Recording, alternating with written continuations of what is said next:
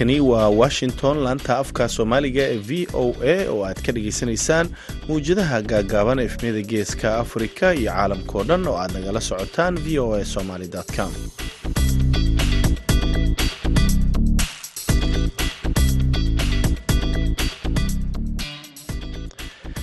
Door wanaagsan dhegaystayaal waa maalin sabti ah bisha disembar waa toban sanadka ka waxaa afrikada bari saacaddu waxa ay tilmaamaysaa kowdii iyo barkii duhurnimo.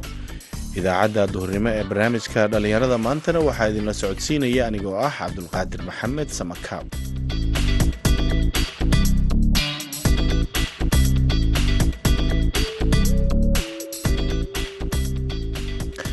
qodobada aad ku dhegaysan doontaan idaacaddeenna duhurnimo. Waxaa ka mid ah barnaamijkii dhallinyarada oo toddobaadkan aan ku eegi doonno. Dhallinyarada qaxootiga ku ah nairobi iyo doorka ganacsiga ee ka jira magaalada nairobi. Alxamdulilah runtii wadankan aad ayaana loogu soo dhaweeyey. Shuruucdiisa xagga ganacsigana aad ayuu loogu fududahay. Marka runtii waxyaabahaasoo idil marka la isku daro dadaalkii iyo shuruucdii wadankaoo fudud iyo helitaankii maaragtay guryihii iyo qayb kastoo ka mid ah xaafadii oo noqotay goob ganacsi. Madasha dhallinyarada oo aad dhegaysan doontaan iyo kaalmihii heesaha balse intaasoo dhan waxaa ka horreeya warkii dunida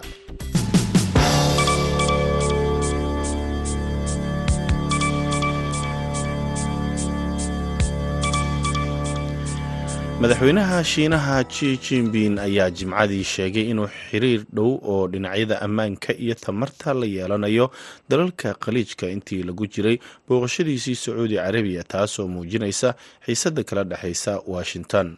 Waxa uu ka qayb galay shir ay isugu yimaadeen lixda xubnood ee golaha iskaashiga khaliijka iyo kulan ballaaran oo ay yeesheen hogaamiyaasha carabta iyo shiinaha waa booqashadiisii saddexaad ee shii uu ku tago meel ka baxsan dalkiisa. Tan iyo intii dunida ay ka dilaacday aafada covid -19 wadahadaladii jimcaha ayaa daba socday kulan laba geesood ah oo khamiistii uu la yeeshay boqortooyada sacuudiga kaasoo laga soo saaray bayaan wadajir ah oo hoosta ka xariiqaya muhiimadda xasiloonida suuqyada saliidda taasoo ah gunta khilaafka kala dhexeeya maraykanka oo sacuudiga hore ugu baaqay inay kordhiyaan waxsoo saarka shidaalka madaxweynaha shiinaha ayaa jimcadii sheegay in dalkiisa uu sii wadi doono taageerada dalalka iskaashiga khaliijka si ay u adkeeyaan ammaankooda isagoo intaa raaciyey inuu soo degsan doono tiro badan oo saliidda waddamada gacanka uuna ballaarinayo iskaashigooda dhinaca tamarta booqashada ji ayaa ku soo aadaysa iyadoo uu jiro khilaaf joogto ah oo u dhexeeya sacuudiga iyo maraykanka oo ah saaxiibkooda wakhtiga dheer iyo damaanad qaadka amnigooda waxsoo saarka saliidda arrimaha xuquuqul insaanka iyo ammaanka gobolka.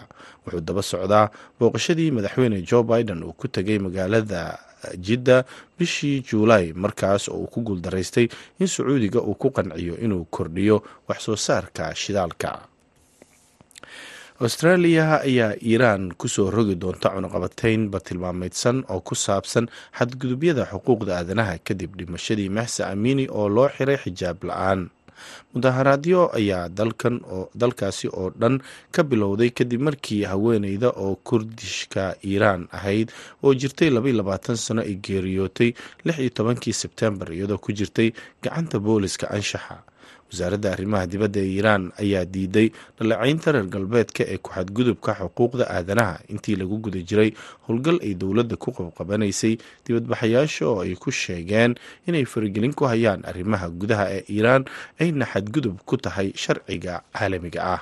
Dhegeystayaal warkeennii dunidana waa naga intaa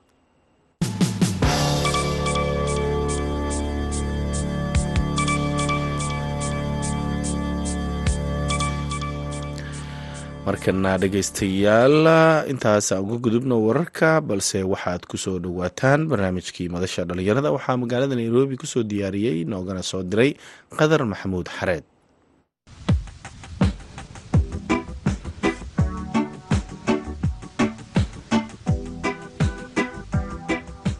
kulanti wacan oo wanaagsan dhegaystayaal ku soo dhowaada barnaamijka madasha dhallinyarada v o a oo toddobaadkan idinkaga imaanaya magaalada nairobi.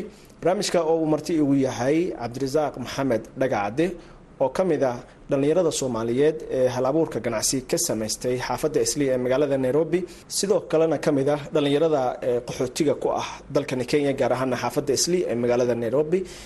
Waxaynu ku eegi doonaa doorka dhallinyarada soomaaliyeed gaar ahaana kuwa qaxootiga ku ah xaafadda islii ay ku leeyihiin ganacsiga iyo horumarka ka socda xaafadda islii ee soomaalida ee magaalada nairobi. Iyo maxay ka dhigan tahay adigoo wadan kale oo wadankaada aan ahayn ku nool oo qaxooti ku ah inaad halkan nolol iyo ganacsi aad ku samaysato? Cabdirasaaq marka hore soo dhawow. Waa ku dhowahay qadar aada ayaa u mahadsantaha cabdirasaaqow bal marka hore ganacsigaagan iyo noloshan halkan aad ku haysato bal sida aad ku bilowday nooga shakey bismi illaahi raxmaan iraxiim wadankan marka aan imaanayay maxaa ahaa nin aada u dhalinyar oo maaragtay daruufaha wadanka ka jira oo markaa iska adkaa waxay igu qasabtay dantii maaragtay in aan jaanis u helo inaan waxbarashada horta ka bilaabo kadibna aan maaragtay ganacsigayga maadaama aan xagga kombyuutarada iyo maaragtay farsamadan casriga ah aan horey wax iga bilaabnaayeen ayaan waxaan bilaabay farsamada gacanta oo markaasi ay ahayd mid aada ugu yar xaafadda islii. Halkaas ayaan ka abuuray ganacsi maaragtay yar oo xagga farsamada taleefanada ah iyo xagga electroniga qeybihiisa kala duwan ee taleefanada sbebatiyadiisa ganacsigayga meeshaas ayaan ka as-aasay runtii in ganacsi la as-aaso adiga oo dhalinyaro ku ah wadan shisheeye aada ay u adag tahay. Shuruucda wadankaoo iska adag maaragtay leysinkii oo qaabkii aad ku soo qaadan lahayd. Helitaankii guryaha xaafadda islii oo ah mid aada qaali u ah. Iyadoo aan ognahay in maaragtay horumaris aada u badan lagaa rabo. Adi daruufo badan oo iska jira alxamdulilah waan ka guuleystay sidaas ayaana ku bilaabay ganacsigeyga oo ku salaysan farsamada gacanta xagga taleefanada weliba qeybihiisa kala duwanba sameynta mxuu calid bixinta noocyadeeda kala duwan iyo wax walbo ku saabsan muxuu ahaa qalabka electroniga sida jaajarada iyo kafarada businesskeyga kaas ayuu ku salaysan yahay. Marka cabdirasaaq marka bal ka waran in adigoo nin dhalinyaro ah oo qaxooti ah aada ganacsi ku samaysato magaalada nairobi sidee kugu suura gashay? Waxay igu suura gashay qofka marka u horeyso waxaa la rabaa inuu ilaahigiisa tala saarto. Marka labaadna uu la yimaado dadaal. Ani waxaan sameeyey runtii dadaal aada u badan. Garab siin way jirtaa oo maaragtay qofka markuu dhalinyaro ku yahay dhalinyaro ku yahay uu dhalinyaro yahay wadan shisheeyana uu joogo wuxuu u baahan yahay in la garab qabto shaqooyinka caadiga ah ma aadi karno oo wadankii waxaan ku nahay qaxooti. Marka waxaan ku qasbannahay ganacsi aan annaga xor u nahay maaragtay oo u madax banaannahay oo shaqadiisii wixiisi aan annaga leenahay dhalinyaro ahaan ama dhalinyartii marka ay leedahay ama shaksiyan aniga aan leeyahay inaan samaysto. Alxamdulilah runtii wadankan aada ayaana loogu soo dhaweeyey. Shuruucdiisa xagga ganacsigana aada ayuu noogu fududahay. Marka runtii waxyaabahaasoo idil marka la isku daro dadaalkii iyo shuruucdii wadankaoo fudud iyo helitaankii maaragtay guryihii iyo qeyb kastoo ka mid ah xaafadii oo noqotay goob ganacsi. Haddii aad xaafad kasta tagto ganacsi ayaa ka samayn kartaa xaafadii aada ayay u ballaaratay marka meeshii aad wax ka heshaba runtii soomaalidii oo aada u badan ma weyneysid maaragtay inaad ganacsi halkan ka samayso. Ka waran maxay ahaayeen caqabadihii ugu waaweynaa ama kugu adkaa markii aad ganacsigan ka samaysanaysay xaafadda islii ganacsiyada aada runtii igu horeeyay dukaan ayuu ahaa cunto ah. Inta aan u soo wareegin electroniga caqabadii ugu weyneed dukaankaas aan kala kulmay.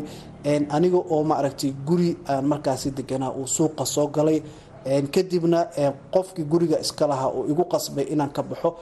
Anigoo maaragtay ganacsigeygii iyo alaabteeda ay dhex taalo dhibaato noocaas oo kale iska jirtaa in guryaha lagugu faliso ama in kirada maaragtay xaddhaaf ah lagugu daro si aad u awoodi weyso oo ganacsigaada uu u fashilmo. Caqabadaha ugu weyn runtii aan la kulmay waxaa waaye faliska aadka u faraha badan ee xaafadda ka jira iyo tartanka aadka u badan maaragtay meelo badan ka imaanayo dad badan oo lacag haysta dhalinyaro badan oo maaragtay wax maal gashanaysa caqabadaha ugu weyn ee wadankan aan kala kulmay taas ayay ahayd ma aragtay in guryihiina lagu faliso ama kiradiina lagu laba jibaaro oo goobihii ganacsiga aan ku haysanay aan ku sii haysan weyno oo maaragtay culays aada u fara badan. Aan ku dareyno dadka mulkiilayaasha ahna sharciyo maaragtay gooni ah agreement kuma siinayaan oo aad ku deganaanayso. Culays aada u badan haddii ay ku saaraanna waa dareemi kartaa in ay gurigaada ay si dhaqsa ah kaaga xiranayaan. Weli caqabadahaas way i taagan yihiin. Haddaa u dambeysay suuq ka mid ah suuqyada xaafadda ayaa gebi ahaanba hal maalin wix yaalay alaab ah banaanka loogu tuuray. Marka caqabadahaas weli way jiraan. Waana caqabadaha ugu badan ee qofka ganacsadaha ah uu kulmi karo ee xaafadda isli ku nool. Hadda marka halkan xaruntan maxaa ku iibisaa? Ma taleefanada mise shaqooyinka kale ee farsamadana waad qabataa xaruntan asalkeeda ugu weyn waxaa waay farsamada gacanta. Sidaad hadda arkaysaba waa farsamada gacanta noocyadeeda kala duwan oo taleefanada ah. Wax walboo taleefonka ku saabsan mararka qaarkoodna laabtoobyada ayaan maaragtay cilad bixinaa oo dadka noo keensadaan. Waxaa kaloon ku iibinaa electroniga qeybihiisa kala duwan jaajaradii ha ugu horeeyaan kaafaradii ha ugu horeeyaan ee la tastiga ahaa ee ugu dambeeyey wax walboo ku saabsan electroniga ayaan halkan ku iibinaa noocyadiisa kala duwan. Ka waran suuqa hadda iyo shaqada sidee inii tahay? Suuqa wixii ka dambeeyey electionka marka uu soo dhawaaday wadankan waxaa jirta dhaqaaliyare aada u fara badan. Ganacsiga ma ahan sidii hore aanan ku haysanay. Awood badan ma jirto. Dhaqaalihii hoos ayuu u dhacay ganacsiga hoos ayuu u dhacay. Marka hadda ma rajeynayno runtii ma sugno hadda. Qarash aada u badan ama ma aragtay ganacsi aada u firfircoon. Ma jiro. Laakiin alxamdulilah weli kirooyinka waa iska bixinaa nolosheenina waa ka helnaa laakiin electionkii iyo maaragtay siyaasadii isbedeshay maaragtay dowladii cusbeed oo weli aan si fiican u saldhiganin waxyaabo badan waa iska jiraan. Iyo crisis ka jiro adduunyadii oo idil maaragtay dhaqaalihii aan waddamada adduunka waaweynaa oo hoos u dhacay guud ahaan wixii idil saameyn ayay nagu yeesheen. Laakiin waxaan rajaynaynaa in aan soo kabanno bilaha soo socdo. Qaxootiga soomaaliyeed halkan ku nool waxay ka cawdaan in aysan xor u ahayn inay shaqaystaan oo kale. Marka dhinacaas marka laga fiiriyo ka waran wax caqabada ah ma ka jiraan dhallinyarada adigoo kaleeta ah gaar ahaan hadda si adiga kuugu suuro gashay oo kale. Ma jirto hadda caqabad xagga dowladda naga haysato ama guud ahaan wadanka qofka ganacsi samaysanaya wax caqabadoo hadda ay la kulmaan xagga dowladda ma jirto? Inkastoo hadda laysanka cusub ee labada kun iyo saddex iyo labaatanka runtii aada loo adkeeyey oo shuruud shuruudo aada u fara badan lagu soo daray. Laakiin waqtigii ka horeysay ma aysan jirin ma aragtay caqabada aada u weyn. Sharci haddii aada u haysato meel ku haboon oo ganacsigaaga aan sida wadooyinkaoo kale uusan ahayn oo hadda annaga moolosha aan degan oo kale ka mid ah runtii waxaa moodaa wax caqabad ah inaadan la kulmaynin oo leysinkii si fudud lagu helayo inkastoo hadda shuruudaha ay iska adag yihiin oo waxyaabaha loo baahan yahay ay ka mid tahay k r a binka qofka taas ayaa xoogaa maaragtay dhalinyarta qaxootiga ku ah wadankan laga yaabaa inay culays u keento oo maaragtay leysinka cusbaha ay dhibaato ku yeesho ma ogiye caqabado guud aan kala kulanno ganacsigeena ma jirto caqabadaha ugu weyn aan la kulanno waxaa uun waaye dhibaatada ka jirta in guryihii ma aragtay adoo degan lagugu korgato iyo in kirooyinkii la iskaga daro oo ma aragtay aan wax ma aragtay qiyaas ah aysan jirin oo rentidii mar walbana lagu kordhiyo. Caqabadaha ugu weyn ee hadda ganacsiyadeena ay la kulmaan waa taas. Ma soomaalida keliya ayaa kuu imaata oo macaamiil ku ah mise qowmiyadaha kale ee suuqan yimaadana way ku yimaadaan oo waad u shaqaysaa waxa ugu badan aan u shaqeyno waa soomaali laakiin haddana ganacsiga xaafadda ama ganacsigan meeshan uma furna soomaali keliya. Waxaa noo imaada qowmiyadaha kala duwan. Waxaa aada noogu yimaadaa dadka south sudan waxaa noo yimaadaa ugandhays ayaa noo yimaada tanzaniyaanka qaar ayaan ka arkaa maadaama meel lagu gado muxuu ah heelka iyo iyo aan u dhownahay oo inta badan xagga laga keeno waxyaabaha spaceska loo yaqaano. Marka qowmiyadaha idil ayaan u shaqeynaa cid gaar oo hadda aan u shaqeynayna ma jirto qowmiyadoo idil ayaa noo imaada. Kenyaanka qeybihiisa kala duwan dadka badanaana runtii servicekeena iyo sida aan wax u hagaajino iyo soo dhaweynta nagala kulmaan iyo qiimihiio jaban iyo xaafadii oo ah runtii meel istraatiijig oo ganacsigii noocyadiisa kala duwanaa laga helayo oo ma aragtay ay dadkina saas noogu yimaadaanna. Ayada naftirkeeda jaanis kale noo tahay marka iyo wixii hal meel laga wada heli karo. Marka guud ahaan cid kasta ayaa noo timaadaa soomaali keliya nooma timaado farsamadan cilad bixinta mobeelada oo kale ma iskuul aad u gashay? Sidee ku baratay markii hore? Iskuul ayaan u galay. Muddo lix bilood ayaan baranayay. College ayaan ka baranayay lix bilood ah. Kadibna muddo ku dhow afar bilood ilaa shan bilood ku dhow ayaan waxaan ku jiray maaragtay assistant ahaa oo maaragtay aan barashadeedii aan haddana training kale u sii galay oo intaa kadib ayaan marka isku filnaaday. Alxamdulilah farsamo aada ii anfacday oo quruxdan iyo maaragtay dukaankan aadka u quruxda badan aan dhex fadhiyo inaan sameeyo ayada ayaa sabab u ah ilaahay ka sokow. Dadaalkii iyo wixii farsamadii aan baranin runtii dhiiranaan ayayna siisay. Dadka qaarkood waxayna weydiiyaan ma filaynin ayay kuleeyihiin bilowgii hore inaan aragno wiil dhalinyaro ah oo farsamadii gacanta sameynayo oo taleefanadii cilad bixinayo oo noocyadooda kala duwan noo hagaajinayo inaan arkeyno.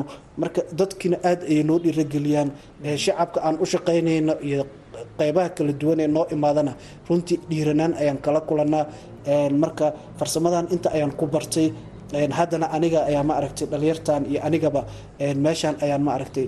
Aan kaga raadsanaa muxuu ahaa qutulyoonkeeni muddo intee la eg ayaad ku gaartay marka heerkan hadda aada joogto oo maanta inaad keligaa shaqaysanaysid marka loo barbar dhigo meeshii aad ka soo bilowday oo kale muddo intee la ega kugu qaadatay inaad heerkan soo gaarto wax badan igumay qaadanin runtii dadaal aada u fara badan markii aada samayso oo waaga aada og tahay xaaladda nairobi qabowga jiro aada ku soo kalahayso runtii muddo aada u kooban ayay igu qaadatay oo ah muddo hal sano ah. Sanadkaas ayaan ku soo kabtay oo ganacsigeygii ma aragtay uu ballaartay. Oon dareemay runtii in aan hore u kobcayo oo aan dukaankeygii maalin maalin ka dambeysa aan soo gashan karo alaabta aan rabo aan soo gadan karo aan soo adeegan karo. Marka muddo hal sano ayay igu qaadatay runtii in aan horumar aan aan ku sameeyo. Marka aada shaqaynay sidoo kale ka waran habdhaqanka macaamiishaada oo kale ka waran dhinacaas macaamilka ganacsatada mar haddii aad tahay qof ganacsado ah ma weyneysid qof ma xoogaa dabeicadiisa iska yara kulushahay way jiraan dadka qaarkood in dhibaato aan kala kulanno waxaa arkaysaa qofkii oo wixii loo hagaajiyey kadibna soo hagaagsan intuu qaato maalmo kadibna soo laabanayo laga yaabaa inuu dhulka uga dhaca taleefonkii oo kale xoogaa cabasho iska keenayo laakiin dadka inta badan noo yimaado runtii soomaalida ha ugu badnaato weliba dumarka runtii aada ayaan ma aragtay aan farxad noogu muujiyaan iyo deganaan runtii iyo qanacsanaanba waa ay yaryihiin inkastoo aanan dhihi karin cilad ma aragtay mar walba qof cabanayo lama weynayo laakiin alxamdulilah wax afka iyo ka hadal afka ma ogiye ma jirto wax oo ma aragtay gacanka hadal ah.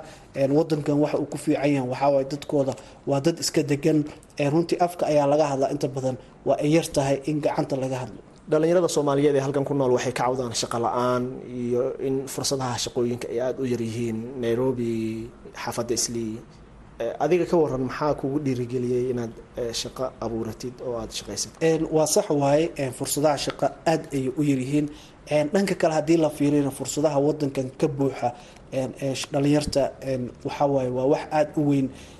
Aniga waxaa igu dhaliyey in aanan sugin in biil dibadda la iga soo diro. Sidaan ognahay weliba waqtiyadii hore xaafadan waxay ku tiirsanaayen ilaa haddana iska jirtaa in dibadaha wax lagaaga soo diro. Kadibna aada guri ku xirnaato oo aada maalinkiina jiifto habeenkiina aada dhafarto. Marka aniga waxaa ii cuntami waay fikirkan ah inaan iska seexdo ka suga banaanka ma aragtay in wax la iga soo diro. Qof kale jeebkiisa ku xirnaado. Alxamdulilah mar walbana waa u mahad celiyaa gabar aan isku dugsi ahayn ayaa garab igu siisay runtii in qarashka aan wax ku baranayo maanta aan heerkan ku soo gaaray collejka ee lixda bilood ah lixda bilood aan baranayaba inay iga bixisay oo maaragtay igu deeqday waxbarashadeediina maaragtay aan saa ku bilaabay. Markii aad fikirto oo aad keligaa aad maaragtay aad isla sheekaysato oo maskaxdaada aad shiisho waxaa ku soo baxaya runtii in nolosha jirta ee dhalinyarta badankood ay ku sugan yihiin ee xaafadan ku nool inaysan kuu cuntamaynin in aad galabta intaad soo qabaysato oo aad soo labisato aad banaanada soo fadhiisato oo aad maqaayadaha ka shaaxayso oo galabtina maaragtay ilaa habeenkii waqti dambe aad maqaayadii fadhiso inta badan waa waxyaabaha ay u badan yihiin dhalinyarta. Ilaa haddaba way jirtaa marka waxyaabahaasoo idil ayaa ii cuntami waaya marka waxaan ku dhiiranaaday inaanan waxba sugin qofka haddii uu go'aan qaato oo ah in uu shaqaysan karo uu muxuu ah niyadiisa iyo awooddiisa uu aamino ilaahayna uu talo saarto inuu ka bixi karo maaragta nolosha ah in shaqo loo raadiyo ama inuu shaqo raadsado maaragta oo wax uu qof u shaqeeyo uu ka gudbi karo. Fikirna mar walba waa inaad leedahay oo aad mar walba toobigaagi iyo maaragta aragtidaadii ay meel fog ay tahay oo aad wax abuuran karto inaad adiga isku filnaan karto inaad mustaqbal samaysato waxaasoo idil markaad ku fikirto si fudud ayaad ku samayn kartaa. Muxuu ah ganacsiga. Marka waxaa sidoo kale jira cabdirasaaq in xaafadda islii ay ku nool yihiin. Dhallinyaro ku fikira inay tahriibaan ama halkan tahriib u jooga oo kale. Ka waran fikirkaas sidee kula yahay? Fikirkan tahriibka runtii waa wax soo jiray. Maalmihii u dambeysay bilooyinka u dambeeyay aad ayuu u sareeyey waxaa moodaa in maalinba maalin ka dambeysa jiha cusub dhalinyarta soomaaliyeed ee u soo baxaysa oo tahriibka ah. Runtii aniga waa ka waanin lahaa qof walba ma aragtay xirfadiisa iyo ma aragtay meesha uu jooga. Haddii aad wadankaada ka soo tagto wadanka ku dhow weli wadankaadii ayaad dareemaysaa meel ku dhow inaad joogto. Qurbaha waxba lagama keeno. Wax aan dhibaato ahayn lagama keenayo. Dhalinyartu waxaan ku dhiirigelin lahaa runtii in ay wadankooda aaminaan. Qaas ahaan waddamada ay qaxootiga hadda ku yihiin in ay aaminaan oo noloshan jiifka ah ay ka kacaan maaragtay ayagana maaragtay ay samaystaan shaqo abuur ayaga u gooni ah. Inta ay ka sugi lahaayeen shaqooyinka dad kaleta in ay ayaga isku yimaadaan koox koox isugu yimaadaan ay fikiraan talooyin badanna runtii waa ay ka soo bixi karaan markii la yimaado. Marka tahriibka waxba ma soo kordhinayso. Mar walba oo la tahriibana culeyskii ayaa sii badanaya oo dhalinyarta dhibaatada soo gaarayso. Qaar baa naftoodii ku weynaya qaar baa weli hadda maaragtay meel ay jaan iyo cirib dhigeen aan war loo haynin qayb ka mid ah ayaa weli maaragtay xabsiyo ku jiraan waddamada dariska ah aada ugu badan oo ku jiraan saxaraha qaarha lagu laayahay. Marka badihii sidoo kale tahriibka nooc walba uu yahay midkan maraykanka ee hadda u dambeeyey ee socda ha ahaado. Dhibaatada la maraayo iyo culeyska aad ayay u badan tahay. Marka waxaan dhihi lahaa tahriibka waxba ma keenaye. Wadankiina iyo maaragta waddamada hadda aada qaxootiga ku tihidiin iska aamina oo tahriibka la iska dhaaf. Marka maxay tahay fariintaada ku aadan dhallinyarada soomaaliyeed ee shaqo la'aanta ah? Meel kastay joogaan gaar ahaan kuwa xaafadda islii waxaan u diri lahaa fariin ah in dhalinyarta marka hore nafsadooda aaminaan. Fursadaha jira ee adduunyada haatan ma aragtay technolojiga ah ay aada u badan tahay. Waxay samaysan karaan qeybaha kala duwan ee ma aragtay digitalka ay u wareegi karaan. Waxay u wareegi karaan farsamadan gacanta oo ah runtii qofka barta in uusan ku khasaari doonin oo nolol maalmeedkiisa iyo maaragtay wixiisa maaragtay uu businessna ka samaysan karo. Sida hadda aniga aan business oga sameeyey waxaan ku dhiirigelin lahaa in farsamada gacanta xoogga la saaro oo dhalinyarta aysan ka faanin maaragtay shaqooyinka qaarkoodna aysan diidin farsamada gacanta xoog in la saaro midda harqaankaa soo geli karta oo runtii dhalinyaro aada u fara badan oo fitishaariyada iyo suudadka noocyadiisa kala duwan maaragtay toli kara. Marka waxaan dhihi lahaa dhalinyarta waxba ha fadhinina banaankan la fadhiyo waxba ma noqonayo maaragtay horumar laguma keeni karo. Waxaan ku dhiirigelin lahaa runtii meel kastay joogaan in farsamada gacanta ay xoogga saaraan shaqo abuur maaragtay binafsi ah ay ayagii samaystaan aysan cid kale ka sugin qofka bini-aadamku waa uu ku caawin karaa laakiin mar walba kuma caawin kara mar wuu ku caawin karaa oo ma aragti wixii aad ula imaato oo ra'yi ah wuu kugu caawin karaa. Laakiin mar walba inuu qofku wax ku siiyo kama sugaysid. Marka mar walba maskaxdaada ma aragta ku jirto sidii aad adiga u shaqaysan lahayd farsamada noocyadeedana aad ay u badan tahay. In qayb ka mid ah un aad ku hagaagtid sidaasna aad maaragta shaqadaadi iyo mustaqbalkaadi aad ku hagaajisa ayaan dhihi lahaa aad baad umahadsantahay cabdirasaaq. Sidoo kale qadar aad ayaad u mahadsan tahay adiga iyo v o edaba kaasi waxa uu ahaa dhegaystayaal cabdirasaaq maxamed dhagacadde oo ah nin dhallinyaro soomaaliyeed oo isagoo qaxooti ku ah magaalada nairobi nolosha horumar ka sameeyey. Waxa uu marti ku ahaa barnaamijka madasha dhallinyarada v o a. Barnaamijkiina intaas aynoo joogo tan iyo kulan dambe nabadgelyo